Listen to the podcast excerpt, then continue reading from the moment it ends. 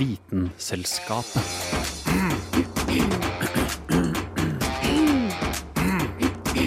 Vitenselskapet. De aller fleste er jo glad i planter. Noen drar dem ta med seg ut av naturen og inn i stugu si. Men alle planter er jo ikke like snille. Denne uka ser, men ikke smokker, Vitenselskapet på giftige planter i naturen. Jeg heter Karl Adam Skvam og skal geleide det gjennom denne halvtimen.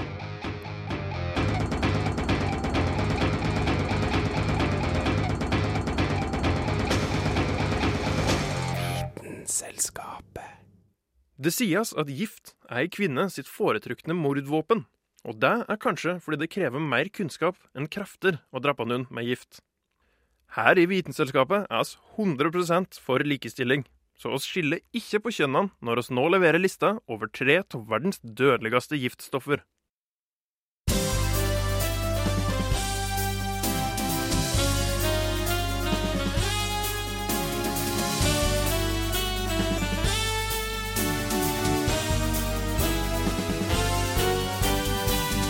Trenger de å drepe noen, og det litt kvikt? Da er kanskje cyanid tingen for deg.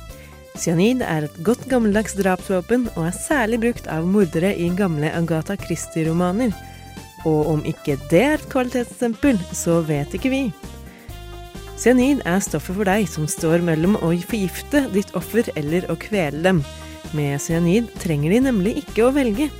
Giften består av et karbonatom som er trippelbundet med et nitrogenatom. Dette binder seg lett til mitokondriene i cellene, de vet de såkalte kraftsentrene i cellene. Dette hindrer dem i å få tilgang til oksygen, og offeret kveles på cellenivå. Som en bonus tar dette svært kort tid, så om de behøver de arvepengene pronto, er dette et av våre beste forslag. I tillegg finnes cyanid lett tilgjengelig i røyken av sigaretten på enden av munnstykket deres, i kjernen på en aprikos eller et eple, og selvfølgelig i ville mandler. Men pass på! Cyanid har en motgift som også er lett tilgjengelig, nemlig vitamin B12. B12 gjør at cyaniden løsner fra mitokondriene og kan forkludre et ellers vellykket giftmord. I tillegg trenger de ca. 6,4 mg med cyanid per kilo som offeret veier, som kan gjøre selve forgiftningen noe vanskeligere. Vårt andre alternativ er derfor risin. Særlig populær blant hemmelige agenter, så om de setter pris på en god spionfortelling, kan dette være stoffet for dem. Risin virker mye saktere enn cyanid, som gjør det enklere for dem å distansere dem fra offeret når giften er distribuert. Det kan ta ca. 1-3 dager før offeret dør av risinforgiftning. I likhet med cyanid er risin også funnet i planter, nærmere bestemt fra en bønne fra kristpalmen. Risin fungerer på ribosomene, som er det kroppen bruker til å produsere protein. Og som man sier, intet protein, intet liv. Et risinmolekyl kan deaktivere 1500 ribosomer per minutt, så de trenger ikke mye av stoffet. Tas giften oralt, vil man behøve ca. 20 mg per kilo av offerets vekt, men injiseres det, trenger man svært, svært lite, kun ett mikrogram per kilo. Dette er selvfølgelig kun barnemat sammenlignet med vår de luxe-gift, det absolutt mest giftige stoffet i verden. Clostridium botulinum, kanskje mer kjent som botulisme. Å kalle C. botulinum en gift er faktisk ikke helt korrekt, da det strengt tatt er en bakterie. En bakterie som faktisk finnes nesten overalt, men som særlig trives i lufttomme steder. En boks med dårlig hermetiserte varer kan f.eks. bli deres nye bestevenn. Eller hva med alminnelig honning? Det er en grunn til at man ikke skal gi honning til barn som er under ett år gamle, fordi babyer ikke klarer å kvitte seg med bakteriene i honning på samme måte som vi voksne og eldre barn. Og hvis bakteriene kommer seg inn i kroppen og finner et oksygenfritt hjørne, ligger offeret svært dårlig an. Bakteriene begynner nemlig å produsere ikke bare én, ikke to, ikke tre, ikke fire, ikke fem, ikke seks, men hele sju ulike giftstoffer, hvorav fire av disse er dødelige for mennesker.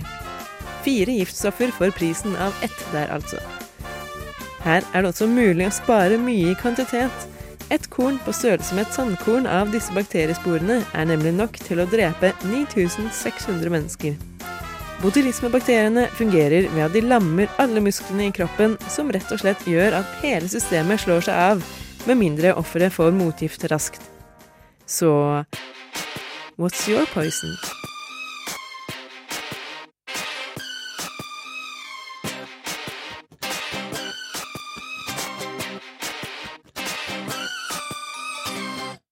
Nå skal det sies at oss i Vitenselskapet òg er 100% imot giftmord, så oss anbefaler ingen å komme i nærheten av disse stoffene. Hun som laga denne lista over dødelige gifter, heter Kristin Grydeland. Å vite vet Vitenselskapet.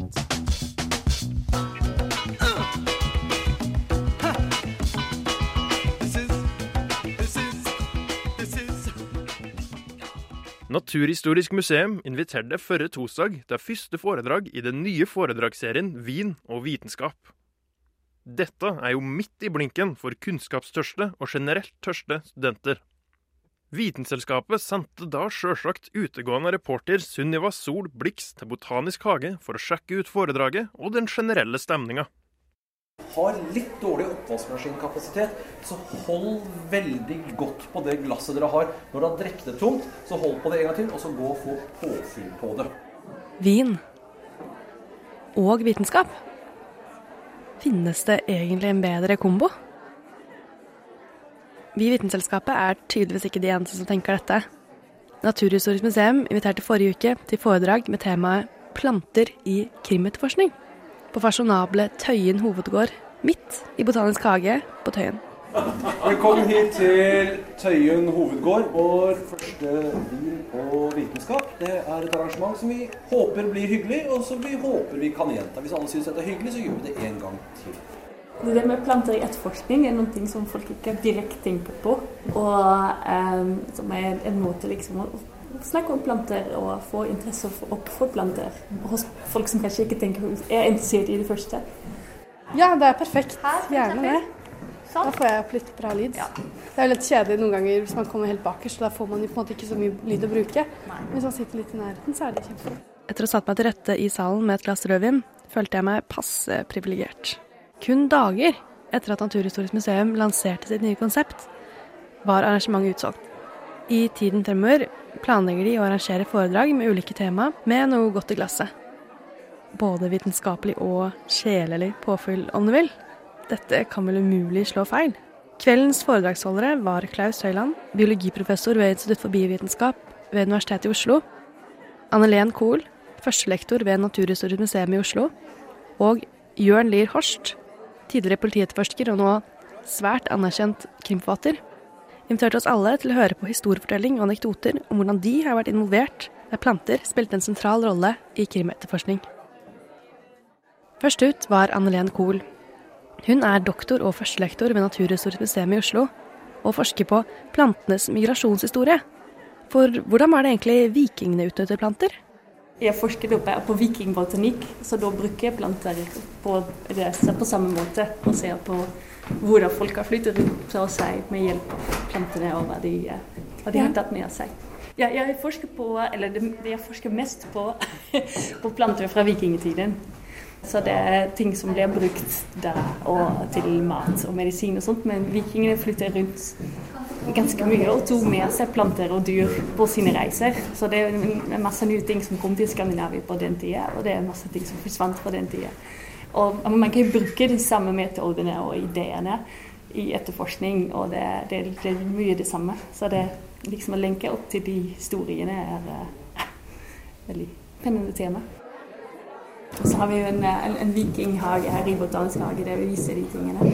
Men akkurat planter i etterforskning er noe som man, eh, man kanskje ikke har et spesialanlegg i Botanisk hage om, men likevel er det ganske mye å fortelle. Og det er uh, spennende giftplanter blant annet. Bruke DNA, prøve å få ut DNA fra, fra disse gamle frø fra oppgravinger og sånt. Og så, så får vi jo utrolig mye mer informasjon enn hva det er. Men hvilke eksempler finnes det på etterforskning der man bruker planter? Det som blir mest brukt, er pollenanalyser. Og, og da ofte som, som sånn der uh, circumstantial evidence, liksom. Det, man, man, kan ikke ta noen på at de har pollen på seg ofte. men at uh, man kan se hvor noe har skjedd, eller hvor det er sannsynlig at noe har skjedd. Jeg tok også en prat med Klaus Høiland. Så bare kan kanskje introdusere deg selv og fortelle Ja, jeg heter Klaus Høiland. Jeg er da botaniker, eller biolog, på Institutt for biovitenskap på Blindern, Universitetet i Oslo. Og jobber jo da med både myk mykologi, som er altså læren om sopp, som er liksom et av mine hovedområder. Med sånn eh, rettsvitenskap da, så har jeg vært involvert på mange måter. Jeg kan si Det jeg har jobbet kanskje mest med, det er identifikasjon av eh, narkotiske sopper. Bisfleinsopp og sånt noe. Og det har jo seg slik at de får da beslag. Altså En eller annen har da blitt hanka inn. Enten fordi at det er på, en tollkontroll, eller fordi man da har fått inn en som, som er beslaglagt, og så finner de ting hjemme. Så det er flere grunner til at de da får tak i disse beslagene. Og så skal jeg da gå gjennom og se om dette er spiss fleinsopp som da er på knarklista, eller om det ikke er. Og det er jo også da en del andre arter som bl.a. blir kjøpt på internett og sånt. Ja, sendt eh, i posten? Ja, sendt i posten. Men nå har jeg ikke gjort så mye av det, for nå kjører de mer kjemiske analyser på innholdsstoffene. Sånn at uh, du kan si uh, For det de er interessert i, det er jo ikke akkurat soppen, men det er jo om den inneholder psilocybin, som er narkotisk. Så tidligere så hadde de ikke de fintfølende metodene som man har nå. Og du kan også bruke DNA-metoder på dette hvis du er villig, som selvfølgelig også vil slå til. da. Du har en eh, fragment av soppen, mm. og så kjører man DNA, og du vil jo da med en gang nokså fort ved å sammenligne på altså Genebank NBC om det er treff på da spis fleinsopp. Det ligger masse sekvenser ute på Genebank av det. Sopp er jo kanskje Klaus sitt spesialfelt. Jeg har jobbet med ganske mange forskjellige ting på sopp. Akkurat nå er vi litt opptatt med sopp som indikatorer på klimaendringer. Så det er jo populært å forske på klimaendringer. og Det viser seg også da at uh, sopp kan også da indikere altså lengden på soppsesongen og sånt. Når, når er det første fruktifisering og siste fruktifisering. og Der har vi faktisk hatt et stort prosjekt på gang. Så jeg leder jeg Håvard Kauserud. Vi har hatt opp en masterstudent her, og vi har også nå en fra, fra Wisconsin har jobbet med dette som postdoc. Så det er liksom det prosjektet som jeg har vært mest involvert i, for, i forskning i det siste. Ellers så sitter jeg altså med et datasett fra Svalbard. De har, en, de har vært på ekspedisjon, ikke meg, da, men de har samlet på veldig mange forskjellige steder. Helt ut på Edgeøya og Barentsøya og Danskøya. Altså på steder altså jeg, Du kan si det er veldig greit å få noe fra Svalbard som ikke er rundt Longyearbyen og ikke rundt Ny-Ålesund, for det er jo stort sett tråkket i stykker. Klaus nevner også funn av pollenkorn. Finner du f.eks. Eh, altså pollenkorn eller soppsporer eller noe sånt noe, og du har terrenget hvor vedkommende har vært, påstås f.eks. at de har funnet et lik, og så finner de noen soppsporer på det, så jeg forteller litt om, og så finner de de samme soppsporene på buksene. Og så er det selvfølgelig da snakk om eh, har han vært på det stedet eller ikke. Altså, selvfølgelig Soppsporer finner du overalt. Og kanskje også de spesielle arter som vi var ute etter her, kan også være ganske vanlig sopp, så man må ha noe mer enn bare det. Til slutt forteller han om en mer konkret sak, nemlig en drapsgåte. Og så har jeg vært involvert i en sak som du kanskje ikke har hørt noe om, men den er gammel. Den heter Fredrik Fasting Torgersen. Som, uh, han heter jo Torgersen-saken. Han, eller han ble tatt for et mord i Når var det? Han ble dom, dømt i 1958. Så jeg gikk altså på, fant ut jeg gikk kanskje på tredje klasse i folkeskolen og annen klasse i folkeskolen da dette skjedde. Men den saken har versert, og han har alltid bedyret uskyld at han aldri, aldri hadde vært med på det mordet. Og bl.a. en av de tingene det jeg jobbet litt med, det er noen barnåler som de fant i kjelleren der de fant liket, nede i Skippergata. Og eh, barnåler som de fant på dressen til Torgersen. Som han riktignok hadde kjøpt av en medfange som han var fengslet tidligere, som hadde vært på rømmen i Sverige og sovet under ei gran. Og disse nålene var så veldig spesielle på utseendet, så de mente at sånne nåler som er, er, der, de kan man ikke få på seg. Så de var liksom helt identiske med det juletreet som de da fant i form og størrelse. Og det har vi da da har vi ikke et fullt sett av disse nålene lenger, men vi har jo da sett at uh, disse nålene han hadde på seg, er så vanlige at iallfall det beviset holder ikke, eller det indisiet holder ikke. Ok, Det er ikke noen tvil om at vin og vitenskap er det koseligste foredragskonseptet jeg har vært borti. Kanskje det kunne vært en idé for ledelsen ved UiO, f.eks.? Vi nå Vitenskap planlegger som sagt å arrangere flere foredrag med spennende tema, og det er bare å følge med på oppdateringer fra Naturhistorisk museum. Det skal i hvert fall jeg.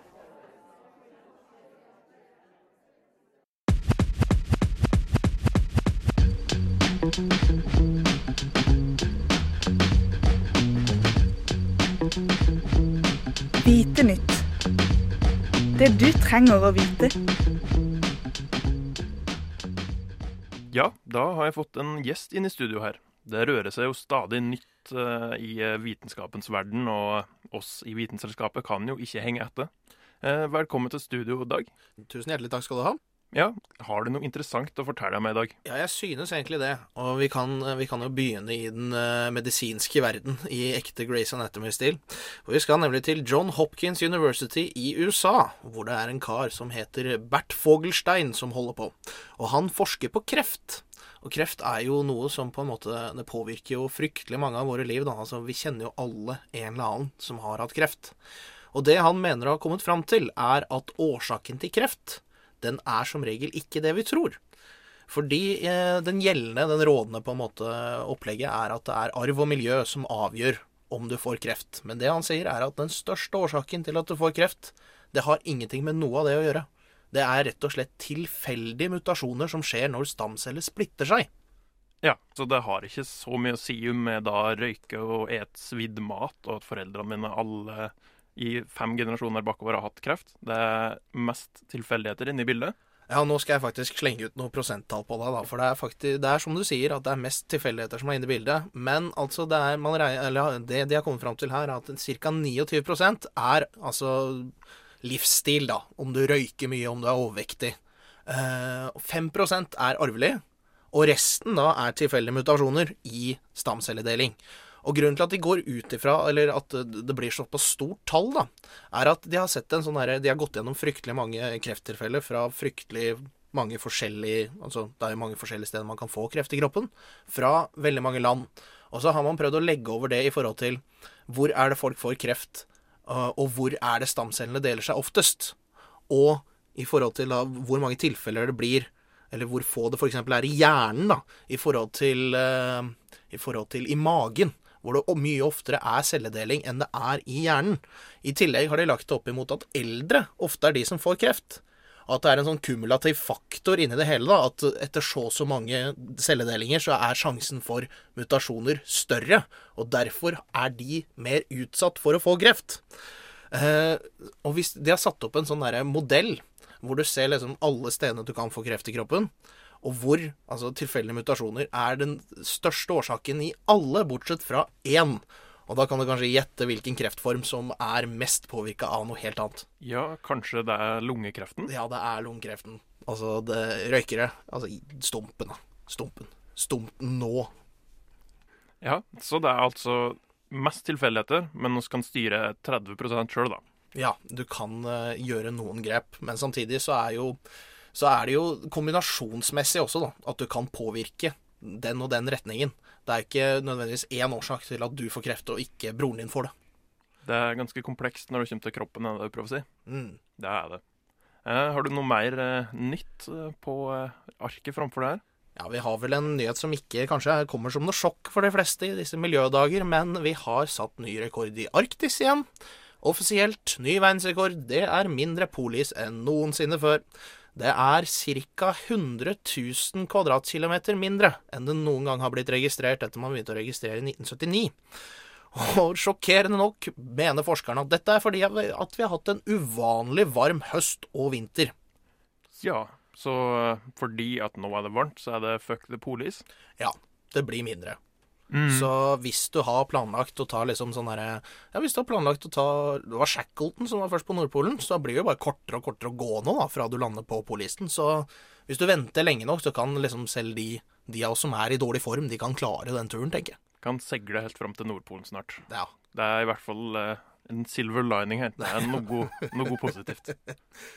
ja, men så kanskje over til det mest spennende. For eh, alle har jo sett filmen Avatar. Men så fins det noen gærninger, og de bor jo som regel i øst, da. Nå er jeg jo litt flåsete i munnen her, men de har jo ofte mye, mye ny teknologi som er litt spesiell. Og vi skal til Korea, hvor man altså nå driver og prøver på avatar med skilpadder. Og det har man altså da fått til. Nå skal jeg forklare hvordan det her fungerer. fordi det de har satt på ryggen til skilpadda, er et kamera og en slags sånn skjerm som bare er åpen, så skilpadda har en viss siktlinje. Så har man kobla opp det til et webkamera med en såkalt BCI på et menneske, som får en sånn headset som er direkte feed av hva skilpadden ser. Og BCI, det er som vi alle vet, super science fiction, er jo sånn brain computer interface. Og det som er spesielt, er at den kan oppfatte hva du tenker. Og nå skal du høre hvordan Skilpadda oppfatter ikke at du tenker? Ja, skilpadda oppfatter hva du tenker, men ikke på helt samme måte som man tror. Fordi at nøkkelen her eh, til hva man har fått til, er at man har fått til å linke sammen altså at du tenker en ting, og at denne interfacen får med seg hva du tenker. Det er riktignok bare tre ting. Det er å stå stille, gå til venstre og gå til høyre. Og så er det en fryktelig enkel variant da, hvor det er kobla opp via nettet, ikke sant, trådløst. Så måten man får skilpadda til å flytte på seg på, er at skilpadder er fryktelig forutsigbare i hvordan de beveger seg. De beveger seg kun etter lys, og hvis de ser en hindring, så går de til venstre. Eller til høyre. Vei, altså vekk fra hindringen, da. Så det der lille buret man har bygd opp rundt skilpadda, er da radiostyrt fra hjernesignalene dine til at det liksom vrir litt på seg, sånn at skilpadda ser eh, det er ikke lys til venstre, så da går jeg til høyre. Eller eh, det er ikke lys til høyre, så da går jeg til venstre. ikke sant? Da følger lyset. Altså, The Marvelous med teknologien er jo fra hjerne til Altså fra hjerne til computer. At computeren på en måte kjenner hva du tenker. Altså Selve det der opplegget på skilpadda er fryktelig enkelt da, i forhold til at skilpadder kun beveger seg etter lys. Nesten litt sånn derre Hva skal jeg kalle det? Mygg, da. Ganske enkle skapninger sånn sett. Men ja. det er fascinerende at uh, du kan bare sitte en helt annen plass og tenke Ja, gå til høyre, du, skilpadda. Og den gjør det. ja. Det revolusjonerende er hvor flinke de er til å kartlegge hva oss tenker. Ja. Det er vel rett og slett det vi må gå inn på. Det er nok noen år til vi er på Pandora, er det ikke det den planeten heter, og driver og styrer sånne blå menneskeape Pocahontas-historier. Men altså på tur dit? Vi er på, vi er på vei. Det var gode nyheter å avslutte på. Tusen takk for at du kom i studio i dag. Jo, bare hyggelig. Vitenselskapet. Vitenselskapet på Radio Nova.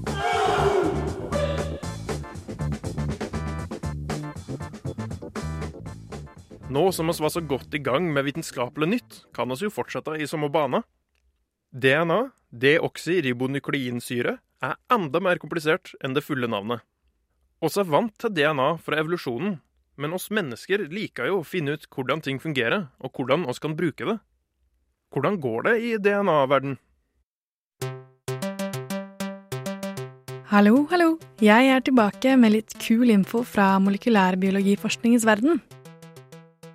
I 2010 så lykkes forskere ved J. Craig Institute, ledet av nobelprisvinneren Hamilton Smith, for første gang å fremstille en levende organisme med et helt syntetisk genom.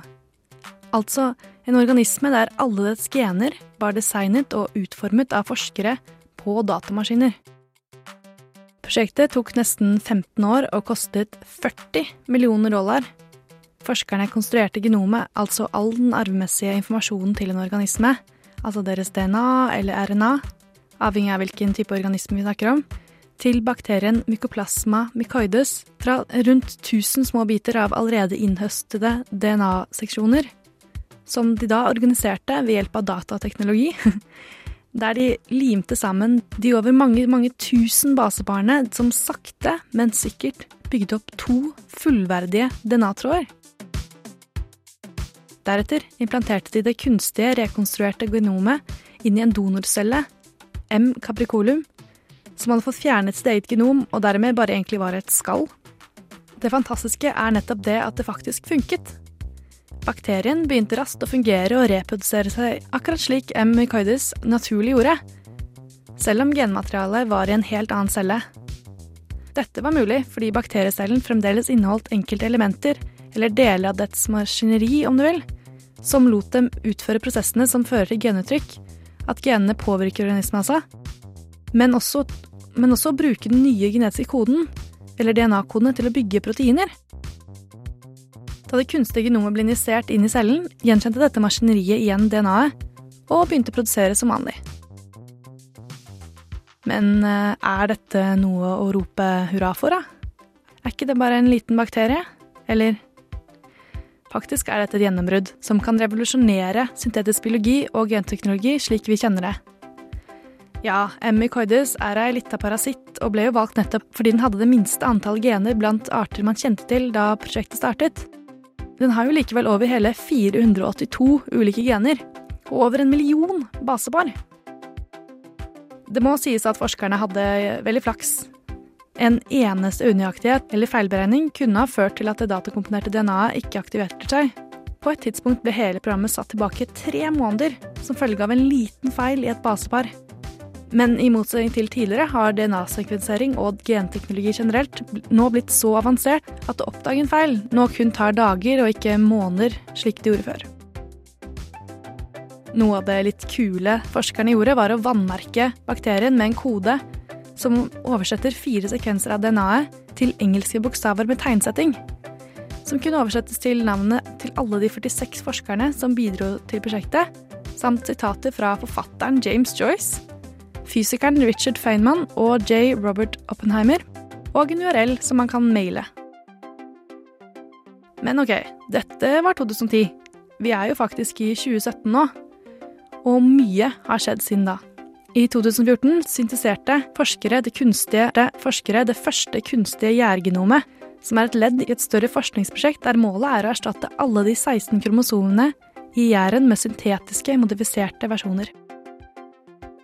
Om de lykkes med dette, kan jern potensielt modifiseres slik at den resulterende jern kan produsere antibiotika, industrielle kjemikalier og kanskje til og med mer smakfullt fake kjøtt.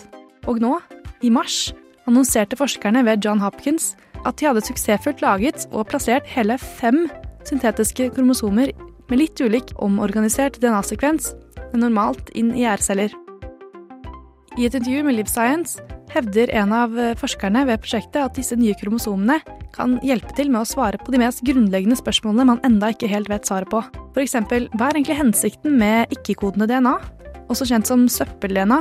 Som er deler av DNA-et som ikke koder for noen proteinsekvenser. I mennesket vil jeg faktisk si mer enn 98% av det humane genomet. Men tenk, da, i framtida. Da kan man kanskje produsere enzymer, medisiner og også brensler billig og effektivt ved bruk av bakteriekulturer med datadesignede genomer. Prosjektet ved J. Craig eh, Institute har allerede tiltrukket seg flere investorer, deriblant oljeselskapet Exxon Mobil, til forskning på muligheten for å designe alger som kan brukes til produksjon av dieselbrensel. Ja, genteknologi er virkelig vinden. I et annet prosjekt ved Harvard University jobber genetikeren George Church med et prosjekt som forsøker å lage humaniserte griser som kan produsere organer for transportasjon til mennesker som ikke like lett potensielt vil bli avvist av menneskekroppen. Jo mer og mer avansert teknologien blir, jo flere etiske spørsmål er vi selvfølgelig nødt til å stille oss. Men skikkelig spennende greier, eller hva?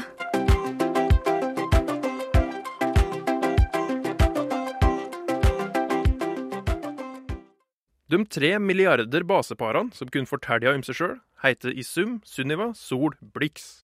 Vitenselskapet. Det var alt oss rakk denne gangen. Søker du mer opplysning, kan du finne oss som podkast på Soundcloud, iTunes eller din foretrukne podcatcher. Hvis ikke, er vi tilbake i ørene dine hver tirsdag klokka ti. Stay nysgjerrig. Vitenselskapet. Si det en gang til. Radio Nova. På, på, DAB og nettradio. på radionova.no. Jeg har egentlig sagt det, men jeg kan si det en gang til. Radio Nova.